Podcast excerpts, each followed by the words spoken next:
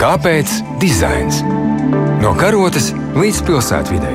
Pirmdien, 9.5. ar atkārtojumu sestdien, 18.18. 18.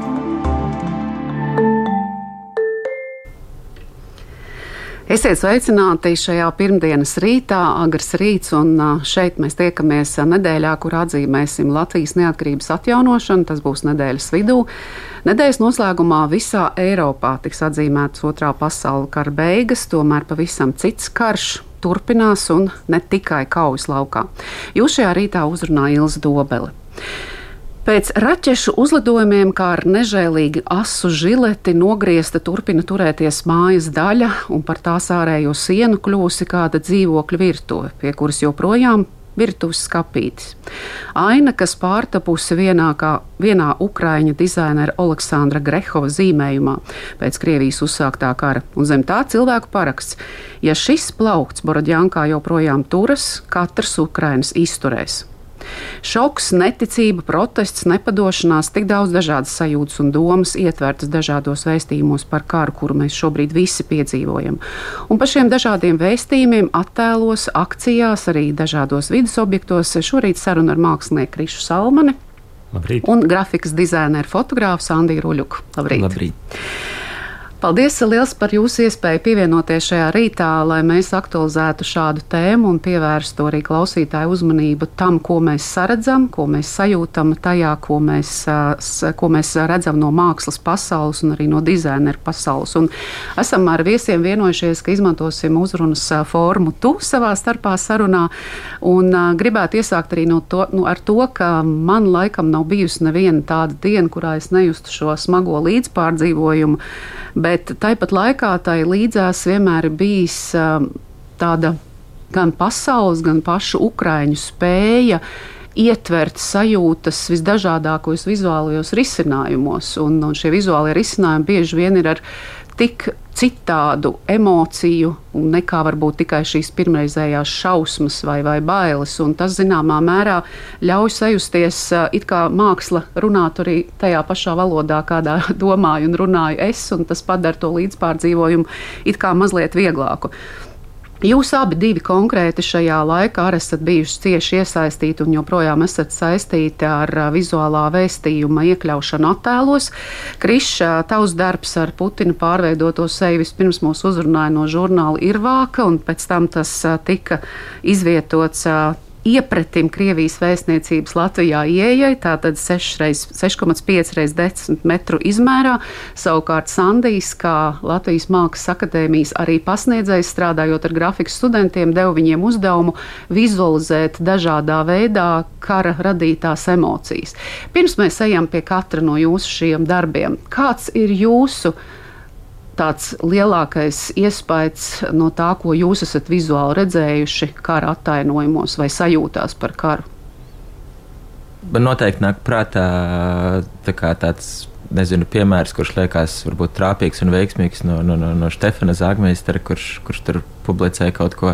Bet kaut kādā mērā visspēcīgāk man liekas, ir aizkustinājusi tā ideja, ka, kas nāk no otras puses, kas nāk no Krievijas puses, ka cilvēki Eh, lai, lai savā starpā vienotos, eh, ir izmantot to zēburtu un zē simbolu, un kā, vērojot, kā tas zē ir attīstījies no neskaidrajiem sākumiem līdz, eh, līdz tagad, kad tas var izmantot skolās un bērnu dārzos un koncertos, un, un, nered, un ka cilvēki neredz to ironiju vai absurdu tam visam. Un, kā, tas man pārsteidz, cik, cik simbola valoda ir spēcīga, un bez simbola ļoti grūti veidot jebkādu kustību abās pusēs tas man ļoti likās eh, aizkustinoši dīvaini. Kriš. Es varbūt pietiekoši daudz nesakoju mākslā un, un, un dizainam, eh, tāpēc man viss iespaidīgākais tomēr šķiet tas, ko Ukrāņi paši dara. Visi tie gaismas uzplaiksnījumi, pēc kuriem vairs nav kārtējā tanka vai nav kārtējā iebrucēju bruņu transportiera. Nu, un arī, protams, tas, ko, ko Krievijas armija dara, nu, kur arī nevar uztaisīt neko šausmīgāku tas Putins ir vienkārši ļoti skaista bildīte salīdzinājumā ar to, ko, ko īsteno Krievijas armija. Tāpēc man, man šķiet, jā, tā māksla, diemžēl, ne tuvu nespēja neatspoguļot, ne īsti iedarboties uz realitāti. Tādu realitāti, kāda tā ir šobrīd. Bet kā tapa jūsu darbs? Daudz skaidru uzrunu ir ļoti pareizi. Jo, mm -hmm. Putina žoklis ir kopdarbs. Tas ir um, labākajā gadījumā lietušķā māksla, bet droši vien ka, nu, dizains vai nu, atsakot, praktiskā, vizuālā kaut kāda uh, izpausme. Un tas ir kopdarbs. Tā, ja tā pavisam skatās atpakaļ, tad droši vien, ka sākās ap 2008. gadu, vai ne, kad mēs gājām pie Krievijas vēstniecības. Es vismaz pirmo reizi gāju pie Krievijas vēstniecības, un pēkšņi likās, ka viss tas, ko es redzu pa ceļam, ir tik ārkārtīgi vērtīgs. Līdz tam likās, nu, visas tās grubaļānās ielas un, un korupcija, kas pie mums ir un visas tās nepatikšanas, bet kopumā jau tas viss iet uz labu un būtu šausmīgi žēl, ja notika tas, kas notika Grūzijā to brīdi, vai kas 14. gadā notika Krimā un, un uh, Austrum Ukrainā, kad atkal mēs gājām protestēt, un tad, tad jau es arī sāku taisīt kaut kādas, nu, vienkārši arī mākslā ielauzās kaut kādas tās negatīvās izjūtas. Un tad es uztaisīju pirmo Putina priekšīra vāku, kur Tobrīd bija modē viņam piezīmēt slīpu tādu Hitlera frizūriņu un ūsiņas piezīmēt, bet man šķiet, ka ne jau mēs viņam zīmējam klāt tās ūsiņas, viņš pats sev viņas zīmē. Tad es uztaisīju bildīti, kurā viņš ar flomasteru sev, flomasteru sev raksta uz virslūpas vārdu krima, kas sanāk pēc tādām ūsuņām, un beigās sapratu, ka tā roka un flomasters tur nav vajadzīgs. Tāpat tās skaidrs, ja tas uzraksts paliek uz virslūpas, tad krīma, krīma, ar krīmas palīdzību viņš sevi padarīs par to 21. gadsimta Anšlusa veidotāji. Un tad uz tās pašas bildes bāzes, astoņas gadus vēlāk, ūsiņas izdzēsa un to vietā uzliku žokli bez kādiem. Nu, nav tā bilde ne tehniski ļoti kvalitatīva, ne mākslinieciski augstvērtīga, bet tur ir lielas emocijas. Un, iespējams, tas ir viens no. Līdz tam tas bija emocionālākais vārds, bet pāris nedēļas vēlāk, kad bija jātaisa um, par buču, nu, tas bija pilnīgs murgs jo bija jāskatās cauri tās bildes, kas ir atrodamas uh, ziņu aģentūra failos. Un, nu, tas ir tad likās, nē, es labprāt. Līdz tam man likās, es negribētu taisīt tādu putinu. Es labprāt taisu kaut kādas salkanas bildītas, par ko, nevienu neuzrunā, bet nu vienalga kaut ko ainavas bildē vai savus bērnus. Tikai ne tādus putinus. Tagad man liekas, es labprāt taisu kaut kādas putinu karik karikatūras nekā liek viņa šausmu darbus. Tā realitāte tomēr pārspēja visu. Jā, un karikatūra arī šajā laikā ir kļuvusi par atsevišķu žanru. Tik politiskas karikatūras, asprātīgas un arī šausminošas ir daudz kur pasaulē, bet atgriežoties pie šīm vizualizācijām, Sandī, kā tu runāji ar studentiem, kura kursa studenti tie bija, lai runātu par karu un kāds bija uzdevums, kas viņiem bija jāizdara? Tas ir otrais kurs uh, grafikas dizaina uh, apakšnodarbē. Un mans kurs tieši sākās tajā brīdī, kad, uh, kad sākās arī karš. Uh, Un man liekas, ka diezgan loģiski, ka tam būtu tas, ko viņi dara, būtu jābūt saistītam ar karu.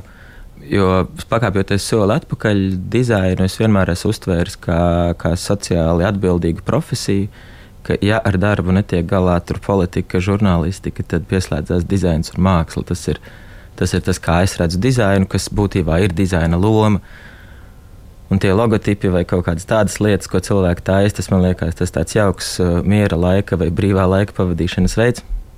Tādēļ man tas šķita diezgan loģiski, bet es biju nedaudz pārsteigts, ka cik es tur saprotu, tā, tā īsti es, es tur biju vienīgais, kas, kas, kas domā, ka tagad ir jāmaina uzdevums vai jādara kaut kas cits. Citiem pasniedzējiem bija varbūt doma, ka jāturpina iesāktais. Bet līdz ar to arī no studentiem bija.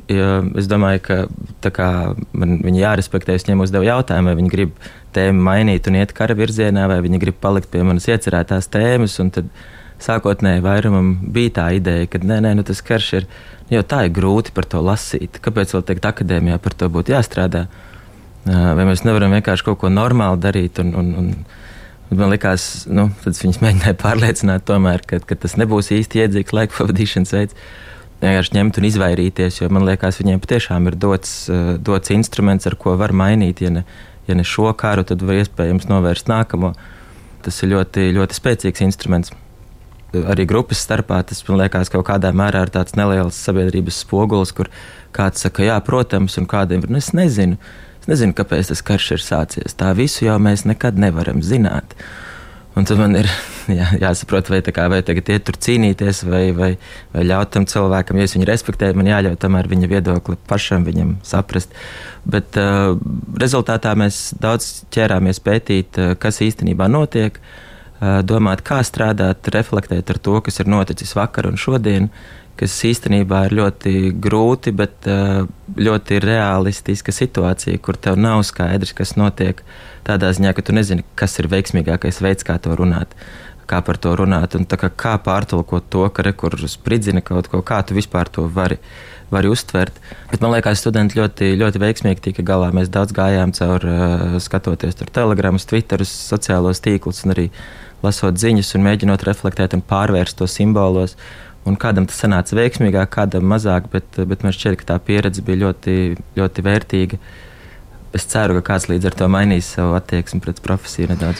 Jā, jāteic arī, ka viens no studentiem, ar kuriem es strādāju, bakalaura darba beidzējis šajā gadā No arī no grafikas dizaineriem Kristaps Šulcs bija izveidojis pat savu akciju, kas ir daļa no viņa bakalaura darba ar nosaukumu Pret sevi kaitīgs. Tur tādā, varētu teikt, performancē notiek tas, ka Putina sūtītā tanka kāpurķēde savā kaitīgumā pašam pret sevi pārbrauc tās radītāju. Nu, tas tāds arī diezgan interesants veids, kā students arī domājas. Pēc brīža jau tūlīt sarunu turpināsim tālāk par izteiksmes līdzekļiem.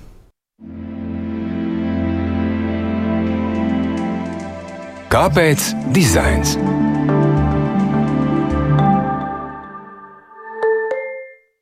Jā, lūk, turpinām sarunu par dažādiem izteiksmes līdzekļiem. Ja mēs runājam par to, kā uzlūkot karu, kādā veidā šie ziņojumi nes dažādas emocijas līdzi un nevienmēr tikai realistiskas, tad lūk, par to arī nākamais jautājums. Ja mēs skatāmies ļoti realistisk, realistiskums kā tāds, abstrak, abstrakcijas un, un tā tālāk dažādi mākslas izpausmes veidi ir bijuši šobrīd liela loma sociālajiem mēdījiem, kuros parādās visi iespējamie veidi, kādā var izpaust kaut ko un dokumentēt.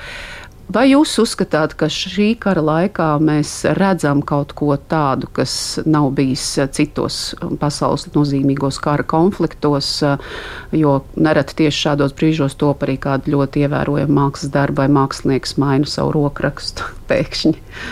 Krišs, varbūt ir kāds Man joprojām tā pati pirmā atbilde. Jā, spēcīgāk. Tā stāsta arī, ka, ka šis arī laikam ir pirmais karš, kas notiek pilnīgi tiešsaistē. Un, tiešraidē, un mēs redzam tieši to, kas nu, ir noticis šajā dienā. Un, uh, tās bildes ir visspēcīgākās. Protams, mēs tā kā domājam, ne, kas notika pēc Pirmā pasaules kara, kāda māksla veidojās, cik, un kāda māksla bija pēc Otrā pasaules kara. Un abas divas bija diezgan ārkārtīgi interesantas, tādas tā kā destruktīvas, vai ne? Gribēja nograut visu, kas bija pirms tam, vai vienkārši nespēja atgūties no tā, kā dzīve tika sagrauta. Uh, ekspresionisms pēc otrā pasaules kara bija abstraktais ekspresionisms, vai ne tāds jā, nu, graujoša māksla, bet graujošs kolosāls vārds īstenībā graujošs. Tā kā tās pilsētas tika sagrautas, un tā māksla arī centās sagraut iepriekšējo, bet vienlaikus viņa bija satriecoša, tāda nu, graujoša, lieliska. Ārkārtīgi interesanti skatīties arī tagad, pēc simts gadiem, un, un arī cik nu ir pagājis kopš otrā pasaules kara. Bet man šķiet, ka nu, par, par to, kas notiek šī kara laikā, vai kas notiks pēc tā, mēs vēl īsti nezinām. Mēs droši vien šobrīd vairāk uh, būvējam dažādas teorijas un sapņus par to, kas notiks īstajā dzīvē pēc Ukraiņas kara. Un, ja notiktu tā, kā mēs gribētu, vai kā mēs cerētu, tad droši vien arī tā spēcīgākā māksla nāks no Ukraiņas, kas ir. Nu, mēs visi zinājām, kartē bijām redzējuši, cik liela ir Ukraiņa. Tikai tagad, laikam, tā pa īstam saprotam, ka tur tomēr ir 40 miljoni cilvēku. Tā ir teritorijas ziņā milzīga valsts un, un cilvēku ziņā milzīga valsts. Un pēc tam cilvēkiem, kas ir pie mums atbraukuši un ko mēs esam redzējuši, mēs jūtam, cik viņi ir arī vitāli. Nu, tur noteikti nāks ārā tādas lietas, ka mums atkal būs jātur līdzi kaimiņiem. Mm -hmm. Es varbūt nākamo jautājumu uzdodot, tad Sandijs varēs apvienot abus. Vēl divus piemērus, ko es tieši arī gribēju izcelt no Ukraiņu māksliniekiem un dizaineriem. Tātad grafiskā dizainere Saša Anisīmova uz sabombardētas pilsētas fona vai humanās palīdzības piekrāmēta metro vagonā iezīmē ar tādu baltu, vieglu līniju, tādus cilvēku stāvus, siluetus. It kā viņi turpinātu savu ikdienas dzīvi, brauktu metro vai, piemēram, arī šajā nograutajā ēkas mājā, turpina dzīvot katrs savā dzīvoklī. Mēs it kā redzam viņu šķērsgriezumā, vai arī jau pieminētais Aleksandrs Grehaus uzzīmēs balerīna, kura šādā graciozā pozā uz poantēm pacēlusies stāv uz liesmojošu Mariupoles teātru. Tās emocijas, kuras mēs saredzam, mani visvairāk pārsteidz šī noturība, spēja pretoties, spēja parādīt, ka šeit nav tikai izmisums un asaras, šeit ir spēks. Sandī, kādas ir tās domas par to? Nedaudz atgriežoties pie tā paša, paša man liekas, pirmā jautājuma. Viens no spēcīgiem simboliem, kas man palicis prātā, ir tā ome, kas tur deva tam uh, krievu zaldātam uh, saules puķis iesēt, lai, kad viņš nomirs, izaug. Un uh, arī tas kā simbols, kā, kā tāds pretošanās simbols, uh, kad nu, kaut kas tevi pāraugs un ka tas nāk vispār, es nezinu, cik tas, protams, ir īsts, bet tas nāk no veca cilvēka un tam līdzīgi kad kā tie, kā tie simboli radās no dažādām paudzēm un dažādām pozīcijām, tas man šķiet ļoti, ļoti interesanti. Daži, daži pat nav dizains sākotnēji, tas ir nezinu, teksts vai stāsts, kas pēc tam ļoti spēcīgi pārvēršas visos simbolos. Mēs redzam ļoti plašu to saules puķu tēmu arī un, un attīstību šim.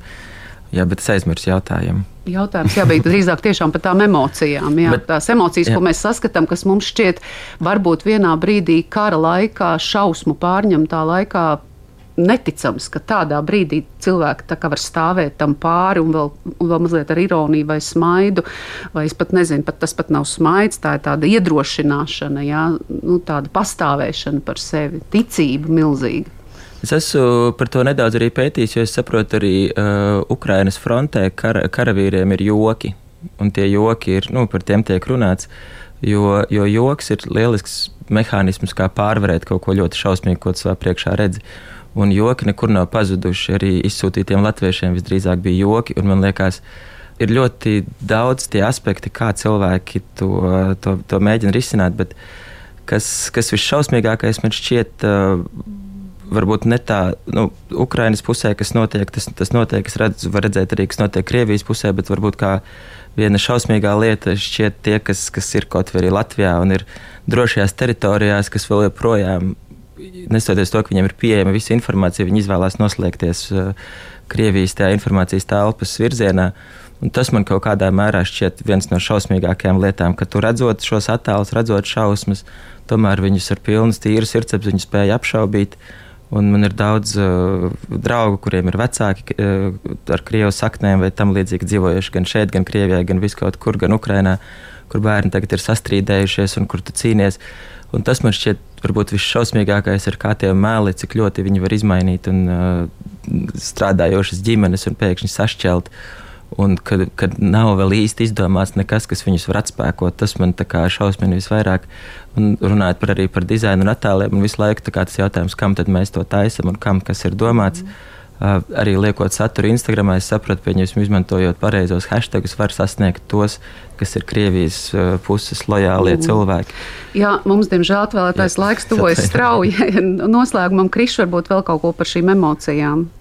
Es no sākta gala mēģināju atrast, ko paši Ukrāņi saka, un uzgāju viņu oficiālo ziņu uh, aģentūru ukrinforma.ua. Un tur jau pirmajās dienās parādījās arī nodaļa par jokiem. Turpinot vienkārši Sandija teikto, un tur ļoti daudz figurēja arī kaķi un karavīri ar kaķiem. Tā kā tas internetu modes e, turpinās arī kara laikā, un tādu vecu lietu pedalējot, man liekas, tā, tā programmēšana jau mēs runājam par zombijiem Krievijas pusē, bet mēs programmējam, visās pusēs tiek programmēts. Man visu laiku uh, galvā skan Ukraiņas himna, un tā ir tik apņēmīga. Un tad ieskanās Latvijas himna, kas ir tik lūdzoša. Un tad es domāju par pārējām dziesmām, par kurām, protams, mēs ar māsu uztaisījām darbu jau pirms daudziem gadiem, bet man liekas, daudz nekas nav mainījies. Mums patīk joprojām būt tādiem liriskiem un uh, mēreniem.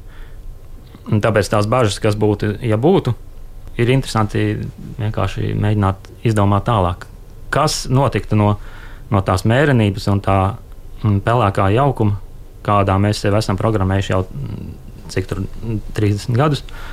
Bet man liekas, tas būtu es ceru, ka tas nekad nebūs jāpārbauda dzīvē, bet uh, varētu būt liela pārsteiguma. Tāpat kā izrādās, mums bija liels pārsteigums par to, ka Zaļenskis, kas ir aktieris un komiķis, ne, izrādās ir nu, vienkārši supervaronis. Mm. Mums noteikti tāda atrastos. Jā. Un es nejauši pirms dažām dienām Zelenskis redzēju sapnī, viņš man atnāca ar diplomu.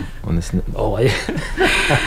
nu, jā, es paldies arī, jā, paldies arī par šīm domām, jo noteikti šis atkal būtu cita temata vērts. Un, es piekrītu arī Krišam par šo domu, un arī šī doma līdzās stāv katru dienu. Jā, un arī par to programmēšanu pilnīgi pie, piekrītu, kādā veidā mēs visi programmējam.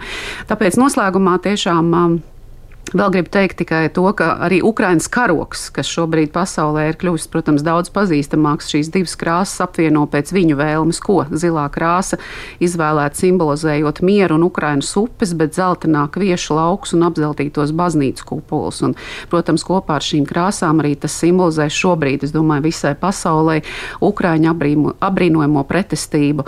Un, Tāpēc saku jums paldies arī par jūsu domām, par jūsu darbu arī šajā laikā māksliniekam Krišam Salmanim un grafikas dizainerim, fotogrāfam Sandijam Ruļukam.